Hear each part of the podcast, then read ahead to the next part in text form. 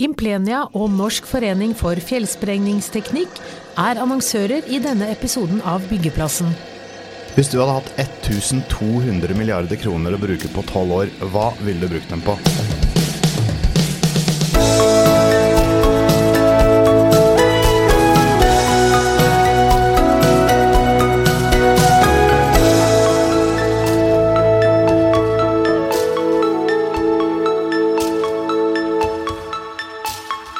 Hei og velkommen til en ny episode av Byggeplassen. Jeg heter Christian Aarhus, og med meg har jeg som vanlig Frode Aga. Og i dag skal vi prate om planen med stor P i anleggsbransjen, og en stor N og en T også. Ja, og eh, hvem er det som er bedre til å snakke om den eh, trebokstaversplanen enn vår samferdselsminister Knut Arild Hareide? Han lovte jo forrige gang han var gjest her å stille opp så fort planen var offentliggjort, og om litt skal vi høre hva ministeren har å si om planen. Men vi holder igjen litt før vi ringer opp Hareide, for først skal vi trekke inn vår egen journalist Ådne Humleid, som er med oss på telefon Teams, faktisk, fra Gjøvik. Velkommen til oss, Ådne. Om du er på telefonen Teams, det har ikke så mye å si. Men du er i hvert fall en av de som eh, følger denne planen tettest i vår redaksjon, og spesielt, spesielt vegdelen av den. Hva kan du si om innholdet i planen som da strekker seg fra 2022 til 2033? Eh, for det, for det, første så er det jo en, en, massiv plan med et innhold som uh, forteller at det skal skje rekordmye med norsk uh, transportinfrastruktur de kommende tolv åra. Det, det, er vel alltid noen som ikke er fornøyd med regjeringens prioriteringer, men jeg kan i hvert fall ikke skjønne annet enn at dette her er en gavepakke til, til norsk anleggsbransje. hvis planen ble vedtatt og, og, og realisert slik eh, han står nå, så skal det jo brukes 510 milliarder på, på riksveiene og 393 milliarder på, på, jernbanen. I tillegg kommer 33 milliarder til kystforvaltning og, og 5 milliarder til, eh, til, flyplassene. Og ikke nok med det, det kommer 80 milliarder til, eh, til, til som er direkte tilknytta trafikkavvikling i, i byområdene. Og på toppen av dette så kommer jo da statens tilskudd til, til fylkesveiene, som i år, eller ikke i år, men i kommende NTP er på drøye 52 milliarder.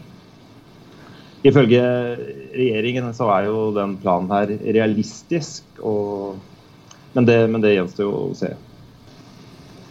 I anleggsbransjen så er størrelse på prosjekt noe som opptar aktørene i stor grad. og I en av våre siste utgaver så hadde du en sak som viser nettopp det. Uh, fortell.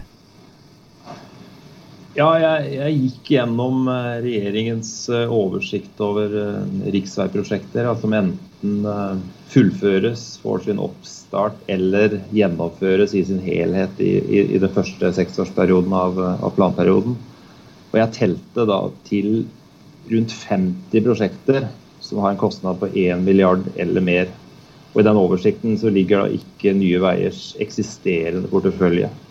Så ja, Hvis en skal ta en konklusjon på den saken, så er det jo at det kommer utrolig mange spennende veiprosjekter da, i åra, åra som kommer nå. Ja, Hva slags prosjekt er det da som skiller seg ut, sånn som du ser det? Det som er litt eh, artig artig å se, er jo at en del av de gigantprosjektene som det har vært snakk, mye snakk om eh, lenge, ja, at de faktisk kommer da, en gang i løpet av de neste seks åra. Det blir eh, stor aktivitet ved Hålogalandsveien. Rogfast kommer godt i gang. Det planlegges byggestart ved Hordfast-prosjektet. Og det, det, er satt av over 4 milliarder til, eh, til fellesprosjektet E16 Vossebanen eh, Arna-Stanghelle i løpet, av, i løpet av den første seks året. Det er jo så klart også vanskelig å komme utenom Sotra-samband og, og E39 Ålesund-Molde. Og så er det vel kanskje også på tide at den kommer i gang med fellesprosjektet E16 Ringeriksbanen.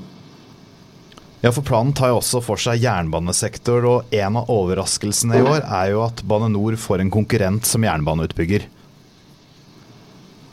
Ja, eh, hvis Stortinget er med på dette her, så er det jo Nye Veier som skal få ansvaret for fellesprosjektet Ringeriksbanen eh, og E16. Og Det betyr at eh, det som til nå har vært et rent veiselskap, skal, også skal bygge 40 km med nytt dobbeltspor mellom Sandvika og, og Hønefoss. Om Nye Veier også blir nye baner, det gjenstår å se, men det blir i hvert fall veldig spennende å se hvordan de angriper oppgaven. og hvilke steiner de, de ønsker å snu da, i et forsøk på å optimalisere og, og kutte kostnader i prosjektet. Blant annet så har det jo vært mye debatt rundt drivemetode og, og tunnelkonsept, og det kan jo være noe de ønsker å se på. Og Det er jo en tunnel, og jeg vet på bakrommet har du sagt til oss her at, eh, at eh, tunnel er jo noe som går igjen.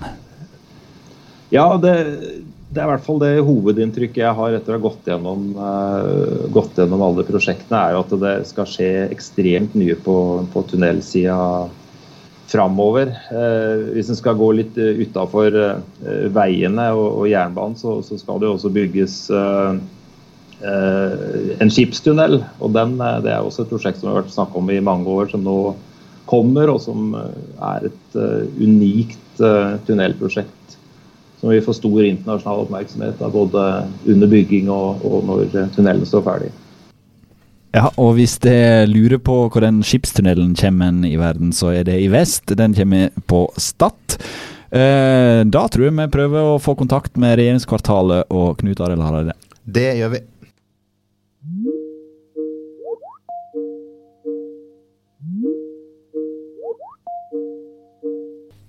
Da har vi fått kontakt med regjeringskvartalet. Velkommen til oss, Knut Arild. Tusen takk. Det er altså tredje gang du er gjest her i byggeplassen. Og den siste gangen du, du, var med oss, så lovte du at du skulle komme tilbake. Dette her viser jo at du er en mann som holder ord, da. Eh, men vil du holde ord når det kommer til det som ligger i eh, Nasjonal transportplan òg? Ja, det håper jeg. Eh, jeg tror jo, sånn jeg opplever, så er mottagelsen av Nasjonal transportplan ganske god. Det er noen som uh, syns vi skulle hatt litt flere prosjekt med i den. Uh, men jeg tror nok folk er enige om at det at vi må ha en realistisk plan, det er, i seg sjøl noe veldig verdifullt. For med en gang vi tar for mange prosjekt, så blir ikke planen realistisk. Og da vil ikke folk forholde seg til den. Så, så jeg er egentlig godt fornøyd med den mottakelsen planen har fått. Tenkte Vi kunne, vi skal gå tilbake eh, litt i tid. Eh, kan du, kan du gi oss et litt sånn innblikk på prosessen eh, og hvordan en nasjonal transportplan blir født? Hvordan jobber det f.eks., eller du som politiker med embetsverket og fagmiljøet for å lande en sånn plan? Ja, dette er jo den sjette nasjonale transportplanen som er i Norge. Uh, og uh, jeg tror uh, for hver plan så syns jeg egentlig blitt, blitt bedre og bedre. Og det er en stor fordel for denne sektoren å ha den type planer. Da kan vi tenke tolv år framover. tidligere så har jo planene òg vært da i tiårsplaner, men nå er det altså tolv år med den forrige og denne planen her. Så, så har nok det endret litt måten vi har jobba med det. Tidligere så var det etatene ofte da enten med at Statens vegvesen var i lid, eller Jernbaneverket i sin tid òg, så, så, så, la fram en helhet her. Uh, og nå er det sånn at nå har vi jobba på en litt annen måte. Nå har etatene kommet med kalde forslag på hver sine sektorer. Og så er det departementet som på en måte har lagd helheten i denne planen. Uh, og, og, Det tror nok gjør at departementet kjenner på et tydelig eierskap til denne, uh, til denne planen. Uh, og, og, og, Det er jo da veldig forskjellige jobber. Den ene tingen er jo selvfølgelig å lage porteføljen med de prosjektene som, som, ligger her. Men vi har jo gjennom denne planen her òg drevet et arbeid med å komme ut med en tenkning, f.eks. dette med porteføljestyring. Og hva tenker vi med porteføljestyring? Jo, mens tidligere så var det sånn at bare et prosjekt kom inn i NTP, inn i Nasjonal transportplan, så var det på en måte berga. Mens nå er vi opptatt av at ja, selvfølgelig har det stor betydning om du er med i NTP eller ikke. Men vi skal fortsatt jobbe med å forbedre prosjektene, få ned kostnadene og jobbe med å utvikle prosjektene videre. Så der er det en helt ny tenkning. Og grunnen til det er jo bl.a. de store kostnadsoverskridelsene vi har hatt. Både på, på, på veisida for noen år tilbake og jernbanen. Og jernbanen har vi fortsatt store utfordringer med nettopp eh, da. Skal komme litt uh, inn på det etterpå. Men, men, det er jo et departement som du har styrt i litt over et år nå. Du kom inn uh, etter Jon Georg Dale fra Fremskrittspartiet. Ganske stor forskjell på Frp og KrF i, på mange områder. Hvordan er det å, å, gå inn og ta over en sånn prosess etter et annet parti? og Hvor mye er det av deg der, og hvor mye er det av Dale der? Det, det, vil jo være en kombinasjon. og det er klart at ja, Vi har lagt noen politiske føringer som, som er helt nye. altså F.eks. det med å se hele Norge. Uh, det er en tydelig kall det en distriktsprofil som, som, jeg tror alle ser på denne NTP-en. Eh, jeg tror f.eks. det at vi skal ha en det må være en link mellom klimaplanen som regjeringen kommer med, og uh, den NTP-en vi legger fram. Det er naturlig. Men f.eks. dette som da går på porteføljestyring det var jo en idé og en tenkning som det var Jon Georg Dale som løfta fram og diskuterte med fylkene. Og det kan jeg si at på den delen så har jeg bare videreført hans uh, arbeid. Uh, og så tenker jeg at kanskje er det òg en modenhet, fordi uh, om du sitter her som KrF-er eller Senterpartiet, Arbeiderpartiet eller Frp-er, så vil du være frustrert over kostnadsoverskridelsene og at ja, du mister litt politisk styring fordi eh, nettopp du må bruke midlene dine til å dekke inn kostnadsoverskridelser. Og det å gjøre noe med det, det har jo vi insentiv for uh, alle sammen. Og jeg tror jo egentlig at det med porteføljestyring, det er noe som kanskje et samla storting vil slutte seg uh, til. Og så er det jo sånn at f.eks. at dette var tidenes sykkelsatsing, at det er en så tydelig Eh, klimaprioritering, det at en distriktsprofil, det har kanskje mer med politisk eh, farge å gjøre. Og sånn vil jo det òg være. Men nå skal jo denne planen òg til, til, Stortinget. og vi søker jo der og, om må få til politisk flertall for mest mulig av planen. Og da må vi jo være villige til å forhandle òg noe med den politiske fargen vi har gitt et tydelig avtrykk på her. Vi tar en kort pause fra byggeplassen for å høre fra våre annonsører.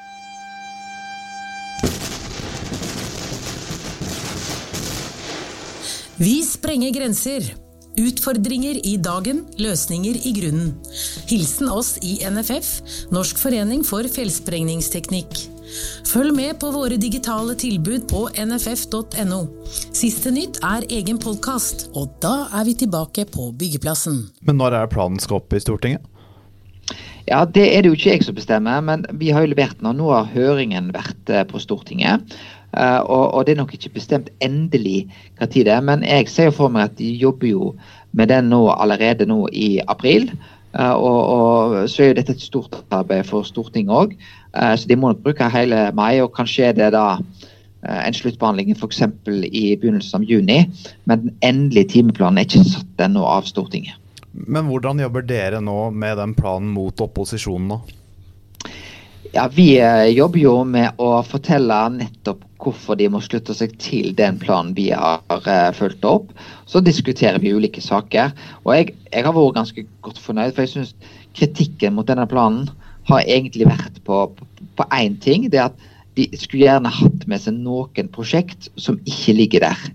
Men for meg har det òg vært viktig å si at vi må ikke ta for mange prosjekt oppi denne planen, sånn at planen blir for stor at den blir sånn at du ikke greier å følge det opp i de årlige økningene på budsjettet år for år. For da blir jo ikke dette lenger en plan som folk stoler på og tenker realistisk. Så ja, dette er en plan som er mer ambisiøs, og vi vil gjøre mer enn noen gang. Men vi lover òg mindre enn tidligere planer. Så, så det er jo paradoks at vi har greid det og gjøre den mer realistisk. Og det må vi òg stå for inn i sluttbehandlingen av Stortinget. Eller så devaluerer vi NTP som en plan for transportsektoren de neste seks og tolv åra. Men du sier at dere lover, eh, lover, mindre, men den forrige planen var vel på 1000 milliarder? Denne er på 1200 milliarder? Ja, men det som de lovte, var jo at de skulle gjøre en del tiltak som viser seg ikke være eh, mulig å følge opp innenfor de rammene som lå i forrige NTP-en. Det tok jo ikke mange månedene før en så at f.eks. Eh, dobbeltspor på alle deler av intercity innenfor de neste tolv åra ikke var et realistisk løfte pga. kostnadsoverskridelsene. Så selv om uh, denne er mer ambisiøs og har flere milliarder i seg, så har vi endra noe av konseptet på intercity.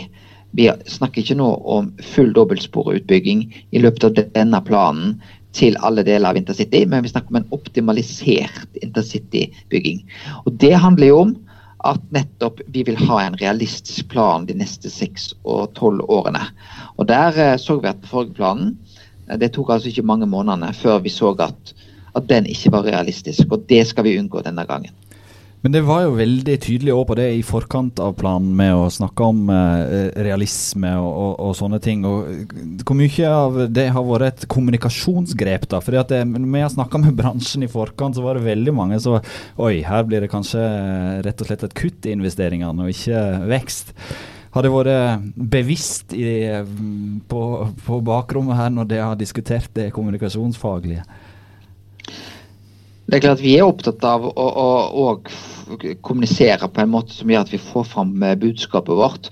Uh, men jeg tror kanskje noen har misoppfatta med å tenke at vi skal jo være ambisiøse. Vi er altså 1,2 uh, eller 1200 milliarder ligger jo på bordet. Så det er jo gigantiske summer. Og det er flere milliarder enn en sist. Men vi har jo òg tatt ganske vanskelige valg, og jeg tror tar du òg landet rundt, så vil jo mange savne sine prosjekt. Fordi vi har valgt å ta, gjennomføre tøffe prioriteringer. Og det er ikke tvil om at når vi nå uh, ser f.eks. hvordan uh, den regionen som opplever at de vil endre intercity-konseptet her, så er ikke det bare et enkelt budskap for, for de å ta imot. Men jeg tror iallfall de kan være uenige, men de kan iallfall forstå den tenkningen som ligger til grunn. Eh, og så er jeg glad for at, eh, at nettopp òg bransjen opplever at dette er en ambisiøs plan. For vi har sagt to ting hele tida. Den skal både være ambisiøs og realistisk. Uh, og så må vi greie å kombinere det på en best mulig måte. Så har du jo vært inne på det sjøl her, det med at uh, intercity blir nedskalert, og spesielt de ytre delene da blir noe annet enn det som var forespeila. Og den strukturendringen i jernbanesektoren har du vært, inne på, med mer porteføljestyring og den biten der. Og så er det kostnadsmelder som ligger til grunn for det. Og da lurer jeg på, er det, er det riktig å gi Bane Nor mer ansvar når de har vist seg å, å gå på smell etter smell? Jeg tror i fall at vi ser at den styringsramma vi har hatt til Bane NOR, eh, det samarbeidet som har vært mellom departementet, Jernbanedirektoratet og Bane NOR, den har ikke fungert optimalt. Og ja, så kan du si eh, Og jeg tror jo nettopp at det hadde fungert enda bedre hadde Bane NOR hatt et større mulighet for å ta et helhetlig ansvar. Og Hvis vi ser f.eks. hvordan Nye Veier har greid det, så er det ikke tvil om at den friheten som har ligget til grunn for Nye Veiers modell, er en av suksessoppskriftene. Så det å, å, å gi muligheten òg for den friheten. Eh, vi tenker jo òg at Nye Veier skal få mulighet òg til å bygge bane, og ikke bare vei. Eh, og det òg å få kalle to byggherrer innenfor jernbanedelen, tror vi òg vil være veldig positivt. Vi har iallfall sett at det har vært kjempepositivt på veisida, med både Statens vegvesen og Nye Veier, som eh, har en god konkurranse seg imellom. Og det er ikke bare Nye Veier som har levert imponerende arbeid, det har jo òg Statens vegvesen gjort. Og vi tror den konkurransen som ligger til grunn, det er positivt. Eh, vi kan diskutere om konkurranse er, er bra eller ikke, og innenfor hva sektorer. Men jeg tror innenfor bygging av infrastruktur, så tror jeg det er veldig få som har problemer med nettopp at konkurranse bør være et element. Det kan være med å trigge en positiv motivasjon. Det har vi opplevd på, på veisida, og nå ønsker vi å få noe av det samme effekten òg ut på, på jernbanesida. Og så er det Ringeriksbanen som Nye Veier skal prøve seg på. Si litt om det. Ja, Det er jo et spennende prosjekt. Det er jo en kombinasjon da av et stort Først og fremst et stort eh, jernbaneprosjekt, men òg noen enkeltstrekninger på, på, på vei. Eh, så ser vi den utbyggingen i sammenheng. Eh, og det blir den første banestrekningen som da Nye Veier kommer til å, å, få. Vi har ikke vedtatt dette endelig, men vi har jo Eh, vært tydelig ute og sagt at vi ønsker det, og alt tyder på at Nye Veier ønsker det, og da pleier det å, å ofte bli eh, slik. Eh, men det er jo da viktig at, at da òg Nye Veier får vist hvordan en kan få til forbedringer på jernbaneprosjekt, sånn som de har vist òg på, på veisida. Og da får vi to utbyggingsmiljø, både Bane Nor og Nye Veier på, på jernbanen. Og da Eh, tror jeg at eh, Nye Veier vil eh, på mange vil da mange forbinde med ikke bare Nye Veier, men òg Nye Baner. Men betyr det at vi, altså når vi får en, et byggherreskifte midt i et prosjekt, betyr det at det tar lengre tid før prosjektet blir ferdigstilt? Ikke nødvendigvis. Uh, og det er jo mange av de veiprosjektene som òg Nye Veier har mottatt, som, uh, som har fått nettopp den type skifte på, på, på veisida. Uh, noen prosjekter er blitt noe forsinka, noen prosjekter kommer faktisk fortere enn det som lå i, eh, i planen. Eh, så, så, vil vi ha en egen vurdering av dette prosjektet. Og vi har jo nå en tett dialog med både naturlig nok de som har hatt eierskap til dette prosjektet, som, og Nye Veier. Så det er noe det vi må avklare i løpet av den avklaringsprosessen før vi har endelig vedtak om dette. Eh, men NTP er jo en plan, og vi har jo sagt hva som er planen og også tenkningen vår her. Men alle prosjektene, både på veisida, eh, på banesida, vil jo bli avklart når vi da kommer til, eh, til at vi er klart til å sende propper til Stortinget om de endelige sakene. Kan det ligge en, et lite uromoment her i form av oppsplitting av fagmiljø og sånn? Jeg har sett effekt av det på veisida. Eh, kan noe sånt skje på jernbanesektoren hvis du splitter opp fagmiljøet der? Ja, nå, nå, vil jeg si at nå har jo f.eks. Statens vegvesen, som da har de, Den delen av fagmiljøene der, det handler jo ikke om nye veier. Det handler jo mer om fylkesveier, som da er er blitt gitt ansvar til fylkene. Og, og nå har det vært etter ti år så var det naturlig at de ansatte gikk til eh, fylkene. Eh, og, og, Statens vegvesen har jo flere oppgaver. Eh, flere store prosjekt nå enn de hadde for få år til, tilbake i tid, selv om Nye Veier har kommet. Så det er jo litt to forskjellige diskusjoner. og, og på, på jernbanesida så ligger ikke det an til at uh, fylkene skal uh, overta dem. Og dermed så får ikke du den oppsplittingen av, av, det. så forstår jeg at det har på en måte vært en krevende runde for Statens vegvesen. Men mitt beste budskap til de som jobber i Statens vegvesen, og til de som skal ha prosjekter rundt det, er jo at porteføljen av prosjekt for Statens vegvesen er jo større. Sjøl nå, etter at Nye Veier er kommet, enn det den var før. Men det som ligger, eller ikke ligger i planen, da, eh, det er, og, og, som det har vært litt, eh, litt bråk rundt, rundt, i hvert fall i rådgiverdelen av, eh, av vår bransje, så er det Oslotunnelen som ble tatt ut. Og eh, blant annet der så, så eh, avlyste jo Bane Nor en plankonkurranse som var helt på oppløpssida. Rådgiverselskapene hadde brukt eh, titalls millioner på den konkurransen, og Bane Nor har jo sjøl brukt 60 millioner på, på arbeidet med å planlegge Oslotunnelen. Men så må, bygge, eh, må de bygge ned den organisasjonen nå. Hvorfor skyves den ut i det blå? Vi tar en kort pause fra byggeplassen for å høre fra våre annonsører. Implenia, et ungt selskap med lange tradisjoner. Vi er et entreprenørselskap som spesialiserer oss på komplekse infrastrukturprosjekter i Norge innenfor tunnel, bru og betong. Implenia har som ambisjon å bli ledende entreprenør for komplekse infrastrukturprosjekter i Norge. Ambisjonen gir selskapet en drivkraft til å ta utfordringer i form av spennende prosjekter over hele landet. Vi vektlegger kundens behov, innovasjon og arbeidet med å finne en bærekraftig balanse mellom kommersiell suksess og et sosialt og miljømessig ansvar. 15 år med Implenia, 150 år med byggetradisjoner. Og da er vi tilbake på byggeplassen.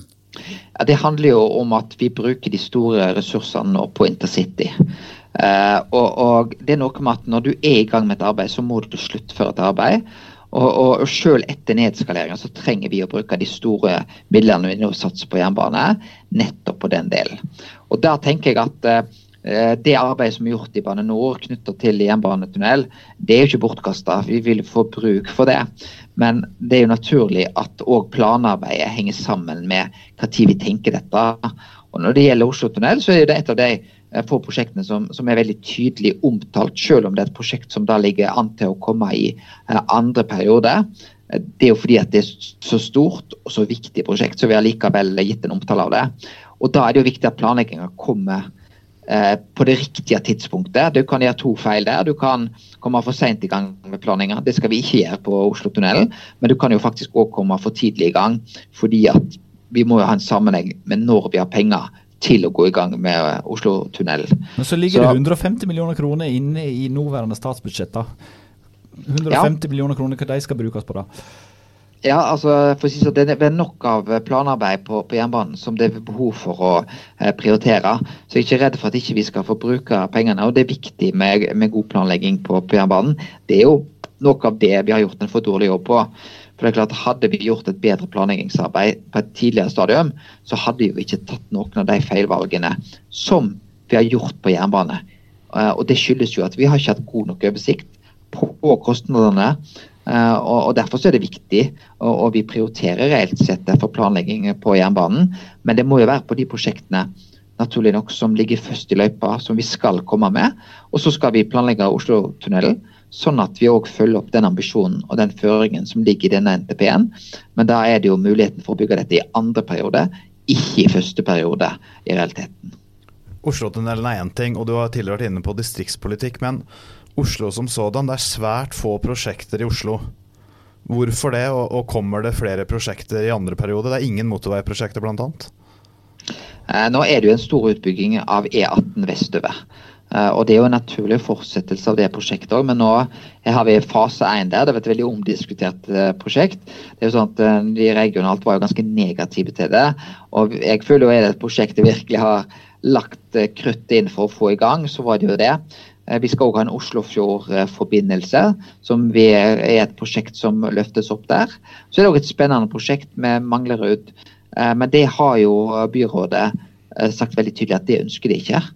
Uh, og Da er det vanskelig for oss å gå i gang med dette. Dette er jo byutviklingsprosjekt, både E18 og, og Manglerudsprosjektet. Uh, det er jo ikke kapasitetsøken som, som, ligger til grunn for den type prosjekt, men det er jo da å, å skape byutvikling. Men vi må jo naturlig nok på den type bompengeprosjekt så må vi ha en dialog med de lokale myndighetene, og vi må respektere at det kan være ulike valg der. Så, så det er jo sånn at uh, For Oslo sin del så har Eh, de har òg takka nei til muligheten for å få flere prosjekt inn, eh, inn, her. Eh, men likevel så er jo aktiviteten rundt det, det sentrale østlandsområdet veldig stor. Intercity-satsingen er jo den største satsingen som, som ligger her. Dere var inne òg på eksempelvis Ringeriksbanen og E16 og da videre utover, som ikke er så langt fra, fra den plassen jeg sitter nå. Så det er jo store prosjekt i nærheten av denne regionen. Så jeg tror ingen kan si at uh, østlandsområdet har vært en taper på, på veisida og jernbanesida de siste årene. Det tror jeg blir vanskelig å formidle. Hvis du skulle trekke fram ett prosjekt da, som er Hareide-prosjektet, det som står igjen etter deg her, eh, er det, er det ett av disse her som er ditt hjertebarn? Jeg, jeg, er nok litt sånn at jeg det, det, det, jeg har ikke ett prosjekt som eneste tenker det er viktigere, men det jeg opplever som det er så to typer prosjekt som jeg har valgt å prioritere i denne NTP-en. Det handler jo om skredprosjekt. Uh, og det er jo fordi jeg, jeg, tror bare belastningen med å kjøre på en vei som er skredutsatt, og jeg tror forståelsen i befolkningen at vi nettopp skal løfte og prioritere skredprosjekt, er så absolutt til stede. Når du kjenner usikkerhet sjøl når du kjører, usikkerhet for eh, dine nære når de setter seg i bilen, eh, eller for så vidt eh, på toget der det er skredfare, det forstår vi ekstra godt. Og så Den andre delen det er det som er på utbedringsstrekninger. At vi kan få faktisk mer igjen for pengene med å utbedre den veien som ligger der.